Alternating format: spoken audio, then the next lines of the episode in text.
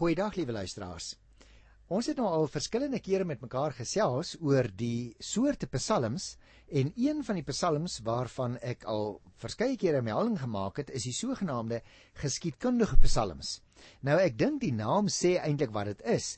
Ek wil net een of twee opmerkingies maak omdat Psalm 60 waarmee ek vandag begin, 'n baie goeie voorbeeld is van 'n sogenaamde geskiedenis psalm. Jy sien, uh, liewe luisteraar, ons moet altyd onthou dat die konteks waarin die psalm ontstaan het, was meesprekend, as ek dit so mag uitdruk, tot die inhoud van die psalm. En so byvoorbeeld moet ons onthou die oud Israeliete het by hulle voorouers gehoor hoe die Here die nasies voor hulle uitverdryf het om vir hulle plek te maak daarin wat later bekend geraak het as Palestina. Die Here se volke dus die land gekry wat aan hulle beloof is. Jy onthou nog, gaan kyk gerus weer in die geskiedenis van ou vader Abraham, daar in Genesis 12 en Genesis 15, waar die Here vir hom gesê het ek gaan vir jou 'n land gee. En dit was eers in koning Dawid se tyd dat die land se grense groter was as wat dit ooit vantevore in die geskiedenis was. Om die waarheid te sê, ongelukkig het die oud Israelitiese volk die land verloor omdat hulle nie vasgehou het aan die beloftes en die Messias wat beloof is uit hulle te kom aanvaar het toe die Here Jesus Christus gebore is nie.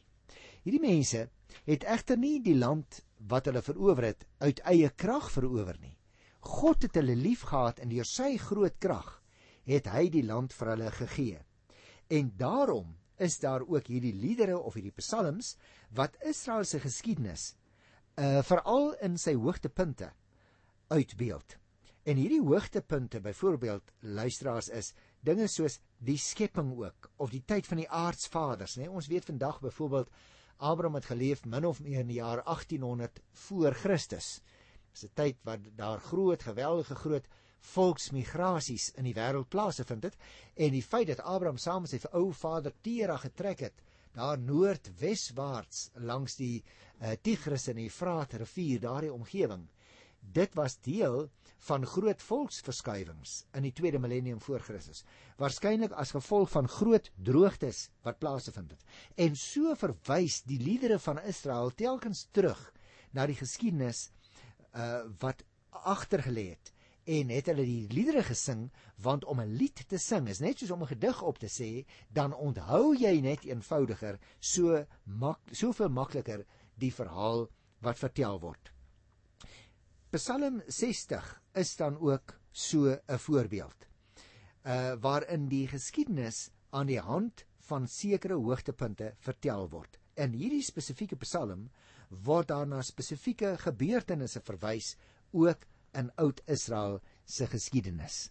So kom ons kyk so 'n bietjie daarna, want in 'n sekere sin is daar ook bepaalde trekke van 'n klaaglied in Psalm 60. Mense kan dit verstaan veral as in die geskiedenis teruggeblaai word dat daar ook oor hartseer goed vertel word en dan is daar so hartseer klank soms in die stem van die digter. Nou goed, kom ons lees vers 1 en 2 en dan gesels ek eers so 'n bietjie daaroor. Ek is by Psalm 60. Vir die koorleier op die wysie van die lelie 'n getuienis 'n gedig van Dawid vir onderwys bedoel na aanleiding van sy geveg teen die Arameërs van Mesopotamië en die Arameërs van Soba toe Joab 12000 Edomite in die Soutvlakte verslaan het nou liewe luisteraar ek wil dadelik sê die tyd waarna hier verwys word in die opskrif van Psalm 60 was natuurlik 'n tyd van oorwinning naamlik die gebeurtenisse van 2 Samuel 8. Slaan gerus in die Bybel na of luister weer op die CD's as jy dit gekoop het, want ons het al daardie gedeeltes alreeds behandel met mekaar. Dit staan egter in baie skerpe kontras met die gegevens van sekere ander gedeeltes wat ons in Psalms kry, waar daar sprake is van nederlaag. Jy sien hierdie opskrif hou dus nie rekening met die terugslag waarvan die verse ook melding maak nie. Dit verwys eerder na God as die oorwinnaar. Dis dus interessant dat ons hier 'n geskiedenispsalm het wat nie net die oorwinnings wat die Here gee besing nie, maar wat ook die nederlaag wat sy ou volk gelei het as gevolg van 'n ongehoorsaamheid van tyd tot tyd beskrywe word. Kom ek lees nou vers 3 tot 7. U het ons verstoot o God. U sien, dit klink byna na 'n klaagsang op hierdie punt. U het ons verstoot o God, ons uitmekaar geskeur. U was kwaad vir ons. Laat dit tog weer met ons goed gaan. U het die land laat bewe en dit oopgekloof. Genees tog die wonde, want ons gaan tot niet. U het 'n ramp oor die volk gebring. U het ons wyn laat drink wat ons laat styer het. Trek tog u dienaars saam onder u vaandel dat hulle veilig kan wees teen die boog van die vyand. Red ons deur u groot mag en help ons sodat hulle vir wie u liefhet gered kan word. Jy sien, die eintlike Psalm begin dus met 'n aangrypende klag, soos ek vir my jou in my inleidende opmerkings vertel het. God het sy volk in die mag van die vyand oorgegee. Nou laat dan nou weer iemand wees wat sê die Here kan nie ook rampe oor jou bring nie. Hier lees ons dit baie duidelik. Die woord gebruik om die waarheid te sê hier herinner aan die wat 'n mens kry in 2 Samuel 5 by vers 20 waar vertel word dat Dawid die Filistyne verslaan het. Die volk van die Here het blykbaar dieselfde ondervind toe die Filistyne in 1 Samuel 4 van die tweede vers af moontlik kon dit 'n ander vyand gewees het byvoorbeeld uh, gaan kyk maar in Rigters 20 en sê jy ander vyand daar sien toe die vyande hulle verslaan het. Hulle is dus wil dit lyk uit die psalm uitmekaar geskeur sê vers 3 hulle is die ene wonde en deur God verstoot. Die klag is dus eerder 'n skuldbelydenis wat hulle aflê teenoor die Here as dat hulle die Here verwyd vir enigiets. Die volk is nie meer soos een man bymekaar onder die vaandel van die Here nie, sê vers 6a. Die beker wat hulle dus moet drink, kan alleen deur God weggeneem word. En dit doen die Here uit genade. Hoekom? Omdat hy sy volk liefhet. Dit staan in vers 7 se tweede gedeelte. Sodat hulle vir wie u liefhet gered kan word. Met ander woorde, liewe luisteraar, die feit dat hulle nederlaag ly, is iets wat die Here oor hulle bring omdat hulle ongehoorsaam is. Maar dit is dan ook net die Here wat hulle weer uit die nederlaag kan red. Nou voordat ek vers 8 tot by vers 14 lees, uh want mense kan dit ook weer in onderafdelings indeel, wil ek eers so 'n bietjie met jou gesels oor die agtergrond van hierdie verse van vers 8 af want jy sien die luisteraar hierdie gedeelte word net so in Psalm 108 weer herhaal hier wat ons hier kry van vers 8 af. Daarom kan mense eintlik eers hierdie twee so bietjie met mekaar vergelyk en uh as jy wil, ek gaan dit nie nou doen nie want ek gaan dit nog uh, weer behandel as ek daar kom, kan jy uh, na Psalm 108 toe blaai en as jy sien hoe dit byna woordeliks ooreenkom by sekere punte. Die verlossingsboodskap word uiteindelik in die tempel deur 'n priester of 'n profeet aangekondig. En nou baie interessant. Dis eintlik niks anders nie as 'n oorwinningsproklamasie oor al die omliggende streke wat een of ander tyd in die geskiedenis vyandig teenoor Jerusalem opgetree het. Byvoorbeeld in die 8ste vers Sichem en Sukkot word nou weer deel van die beloofde land soos dit aan die Israeliete uitgedeel is. Destyds gaan lees maar in Joshua 14 se eerste 2 verse dan sal jy sien dat ehm um, die Israeliete het dit ontvang. Ook byvoorbeeld Gilead en Manasse en Efraim is hierby inbegrepe. Kyk maar na vers 9. En Juda waar die Here self in Sion in sy tempel woon, kyk vers 9 se laaste gedeeltjie. Juda bly steeds aan die sentrum van die ryk. Moab en Edom wat vermeld word in vers 10 word ook ingesluit. Nou volgens hierdie oorwinningslied is almal dus weer onderdanig soos in die dae van koning Dawid. Die bidder huiwer dus na die oorwinningsaankondiging nog 'n keer. So asof die verlossingsboodskap te goed klink om waar te wees.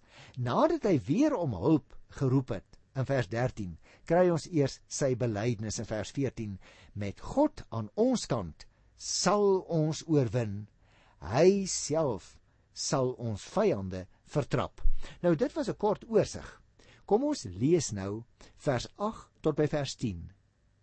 God het in sy heilige woning gesê: As oorwinnaar sal ek Sichem verdeel en die Sukkot laagte uitdeel. Aan my behoort Gilead, aan my behoort Manasse. Efraim is my vernaamste vesting, Juda my koninklike gebied. Moab is tot my beskikking. Edom neem ek in besit. Oor Filistia juig ek as oorwinnaar. Nou ek het net nou vir jou gesê dis 'n oorwinningsproklamasie. Miskien moet ek nou vir jou so 'n bietjie vertel ten opsigte van vers 8 tot by vers 10 wat die historiese agtergrond is. Want jy sien, 'n oorlogsproklamasie oor al die oomliggende streke wat almal op die een of ander tyd in die geskiedenis vyhandig teenoor Jerusalem opgetree het. Sichon, Sichem byvoorbeeld en Sukkot waarvan ons lees in vers 8 was al sedert die jaar 722 voor Christus onder Assiriese gesag. En dit het weer deel geword van die beloofde land en is deur die Here aan sy volk uitgedeel. Ook Gilead en Manasse en Efraim is byvoorbeeld ook hierby inbegrepe. Al wat hierdie vers 8 tot 10 dus wil sê, liewe luisteraar, lyk vir my is kyk terug in die geskiedenis. En dan sal jy sien hoe dat die wiel soms draai oor sekere gebiede. Dan is 'n gebied in die hande van die vyand, dan is dit weer onder beheer van die volk van die Here. Dit was dus veral in daardie tyd van afval sal julle onthou liewe luisteraars, dat die Here die rigters gestuur het en dan die konings en dan word die ouens nog meer afvallig en dan stuur die Here weer die profete. Goed. Kom ek lees nou van vers 11 tot by vers 14. Wie sal ons na Edom toe lei? Ons bring na sy versterkte stad. U het ons verstoot, o God. U trek nie saam met ons leers uit nie, o God. Help u ons tog teen die vyand. Want die hulp van mense, dit is niks met God aan ons kant sal ons oorwin. Hy self sal ons vyand vertrap. Jy sien dus na die oorwinningsaankondiging is dit asof die digter nog weer in vers 11 en vers 12 nog weer so 'n keertjie wil huiwer. Asof die verlossingsboodskap te goed klink om waar te wees. Maar na sy hernuide gebed om hulp en sy belydenis dat mense hulp tog nie die ware hulp is nie, daar in vers 13 eers dan word hy seker. Niks kan ons keer nie. Want sê hy in vers 14, God is aan ons kant. Die laaste deel van die Psalm word dan ook weer, soos ek jou net nou gesê het, later herhaal in Psalm 108. Nou luisteraar, dit bring my dan by Psalm 61. Die opskrif daarvan is U is vir my 'n toevlug. En dit is net so 'n interessante, pragtige gedeelte uh van, van die Bybel en daarom wil ek dit nie sommer net afjaag nie. Ons moet met groot aandag so bietjie daarna kyk. Kom ons lees vers 1 tot by vers 6 vir die koorleier met snare spel van Dawid. Hoor tog my hulp geroep o God. Slaan tog ag op my gebed. Ver uit die vreemde uit in wanhoop roep ek na u. Bring my op 'n rots waar ek veilig sal wees. U is vir my 'n toevlug, 'n sterk vesting buite bereik van die vyand. Laat my by u 'n veilige tuiste vind. Laat my skuil onder die vleuels. U o God, hoor my geloftes. U vervul die wens van hulle wat u naam eer. Nou, dit is 'n baie mooi stukkie belydenis wat ons hier kry in Psalm 61. Nie waar nie, liewe luisteraar? Asof 'n mens dit soos 'n jas wil aantrek en vir jouself wil sê, maar dit is mos ook vir my geldig in tye van benoudheid en van nood. Jy sien die psalmis is in die vreemde, ver van Jerusalem af. So blyk dit uit die 3de versie. En dit is belangrik dat ons dit hier laag raak lees en dit aantrek soos 'n jas. Hoekom sê ek dit? Omdat 'n mens soms sien wanneer mense ver gaan vakansie hou of hulle klim in die vliegtyg om ander kan die horisonne van ons vaderland weg te vlieg, gaan woon daar of hou vakansie, dan doen hulle naderhand dinge wat hulle hier nie sou gedoen het nie. So asof hulle soos Ou Testamentiese gelowiges nog half wil glo. Daar is geografiese gebiede vir die Here se regering en vir sy heerskappy. Nee, liewe luisteraar, dit is nie so nie. God die Almagtige regeer oral. Ek kan nie teenoor hom optree soos Ou Testamentiese gelowiges soms die heidene nagevolg het nie want die heidene die afgodsdienaars het geglo as ek oor 'n riviertjie gaan of oor 'n landsgrens dan kom ek in die gebied van 'n ander god uit. Daarom het hulle vir hulle afgode gemaak. Daarom het hulle ook vir die afbeeldinge van die ware god naderhand begin maak want hulle het gedink as ek rond beweeg en ek dra 'n afgod saam of ek dra 'n beeld van die ware god saam dan is ek eintlik buite die beheer en die regeringsgebied van God. En daarom het hulle gedink dan kan ek optree en kan ek maak net soos wat ek wil. Maar dit werk natuurlik nie so nie. Daarom voel die psalmis hier onveilig. Hy voel moedeloos. Hy verlang na die veiligheid van die tempel in Jerusalem waar vyande hom nie meer kan inhaal nie. In die tempel kan hy natuurlik altyd by die Here skuil. Daar in die tempel kan hy onder die vleuels van die gerubs waaroor die Here troon sy beskerming geniet. Saam met sy gebed doen hy dan geloftes aan die Here indien hy sy gebed sou verhoor. Kyk maar weer na vers 7b. U o God, hoor my geloftes. U vervul die wens van hulle wat u naam eer. Dit is dus baie belangrik, liewe luisteraar, dat jy en ek sal weet om 'n afbeelding van God te maak was eintlik 'n afgodiese manier om God te begin manipuleer. En dit kan ons nooit doen nie. Daarom het die Here gesê dat hulle nie 'n afgod mag maak van die ware God nie. Gaan kyk maar by die tweede gebod in Eksodus 20. As mense dus sou vra nou maar hoe lyk God? Dan gee die Here Jesus in die Nuwe Testament 'n baie interessante antwoord. Hy sê hulle wat my gesien het, het God gesien. Dit beteken nie noodwendig, liewe luisteraar, dat die Here 'n oog het wat net soos jou en myne lyk en wat net soos ons in funksioneer nie.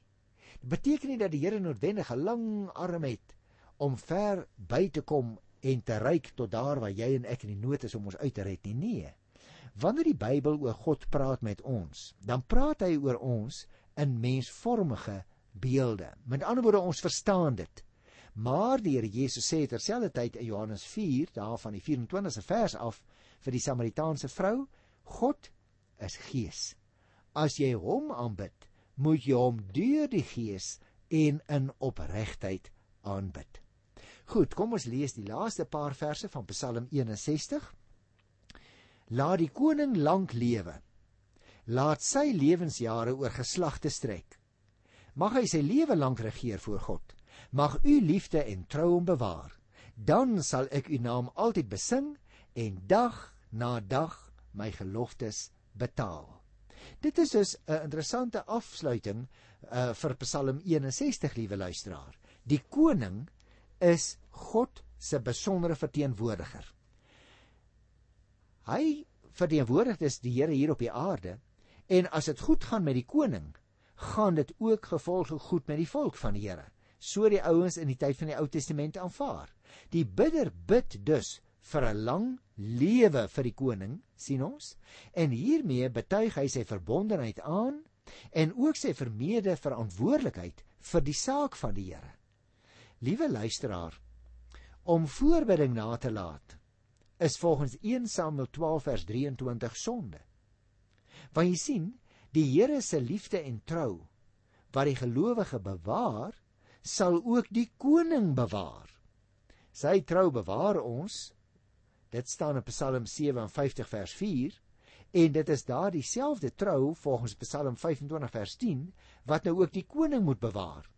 Dan sê die digter, dan besing hy die naam van die Here en dan betaal hy die geloftes wat aan die Here gemaak is. Daar kom so 'n vraagie by my op en daarmee wil ek dan afsluit vir vandag. Word godsdiens en politiek dan nie hier in hierdie Psalm gruwelik vermeng nie, liewe luisteraar? Want jy sien vir die Israeliete was dit in 'n sekere sin eintlik onvermydelik. Hoekom sê ek dit? Omdat ons by oud Israel te maak het met 'n teokrasie. Met ander woorde, God word gesien as die direkte hoof van die staat. En daarom het mense baie maklik in daardie tyd ook die politiek en die godsdiens vermeng. Weet jy, dit is nogal in 'n sekere sin so ook met Afrikaners. Ons kan nie maklik oor politiek praat sonder om die godsdiens by te trek nie. Aan die ander kant, as ons besig is om oor godsdienstige sake met mekaar te praat, dan is ons ongelukkig ook geneig om dikwels politieke argumente by te bring. En en vir mekaar sê, maar jy weet, 'n mens kan ons nou nie heeltemal net so optree teenoor ander mense nie, want ander mense is mos heeltemal anders as ek. Nou natuurlik is ander mense van ander etnisiteite anders as as my etnisiteit. Want uh, geen twee mense wat aan dieselfde groep behoort is presies dieselfde nie en nog minder is twee mense wat aan verskillende bevolkingsgroepe behoort presies dieselfde. Daarom moet ons nie onder die wanindruk verkeer dat ons hier 'n vermenging van godsdiens en politiek kry nie.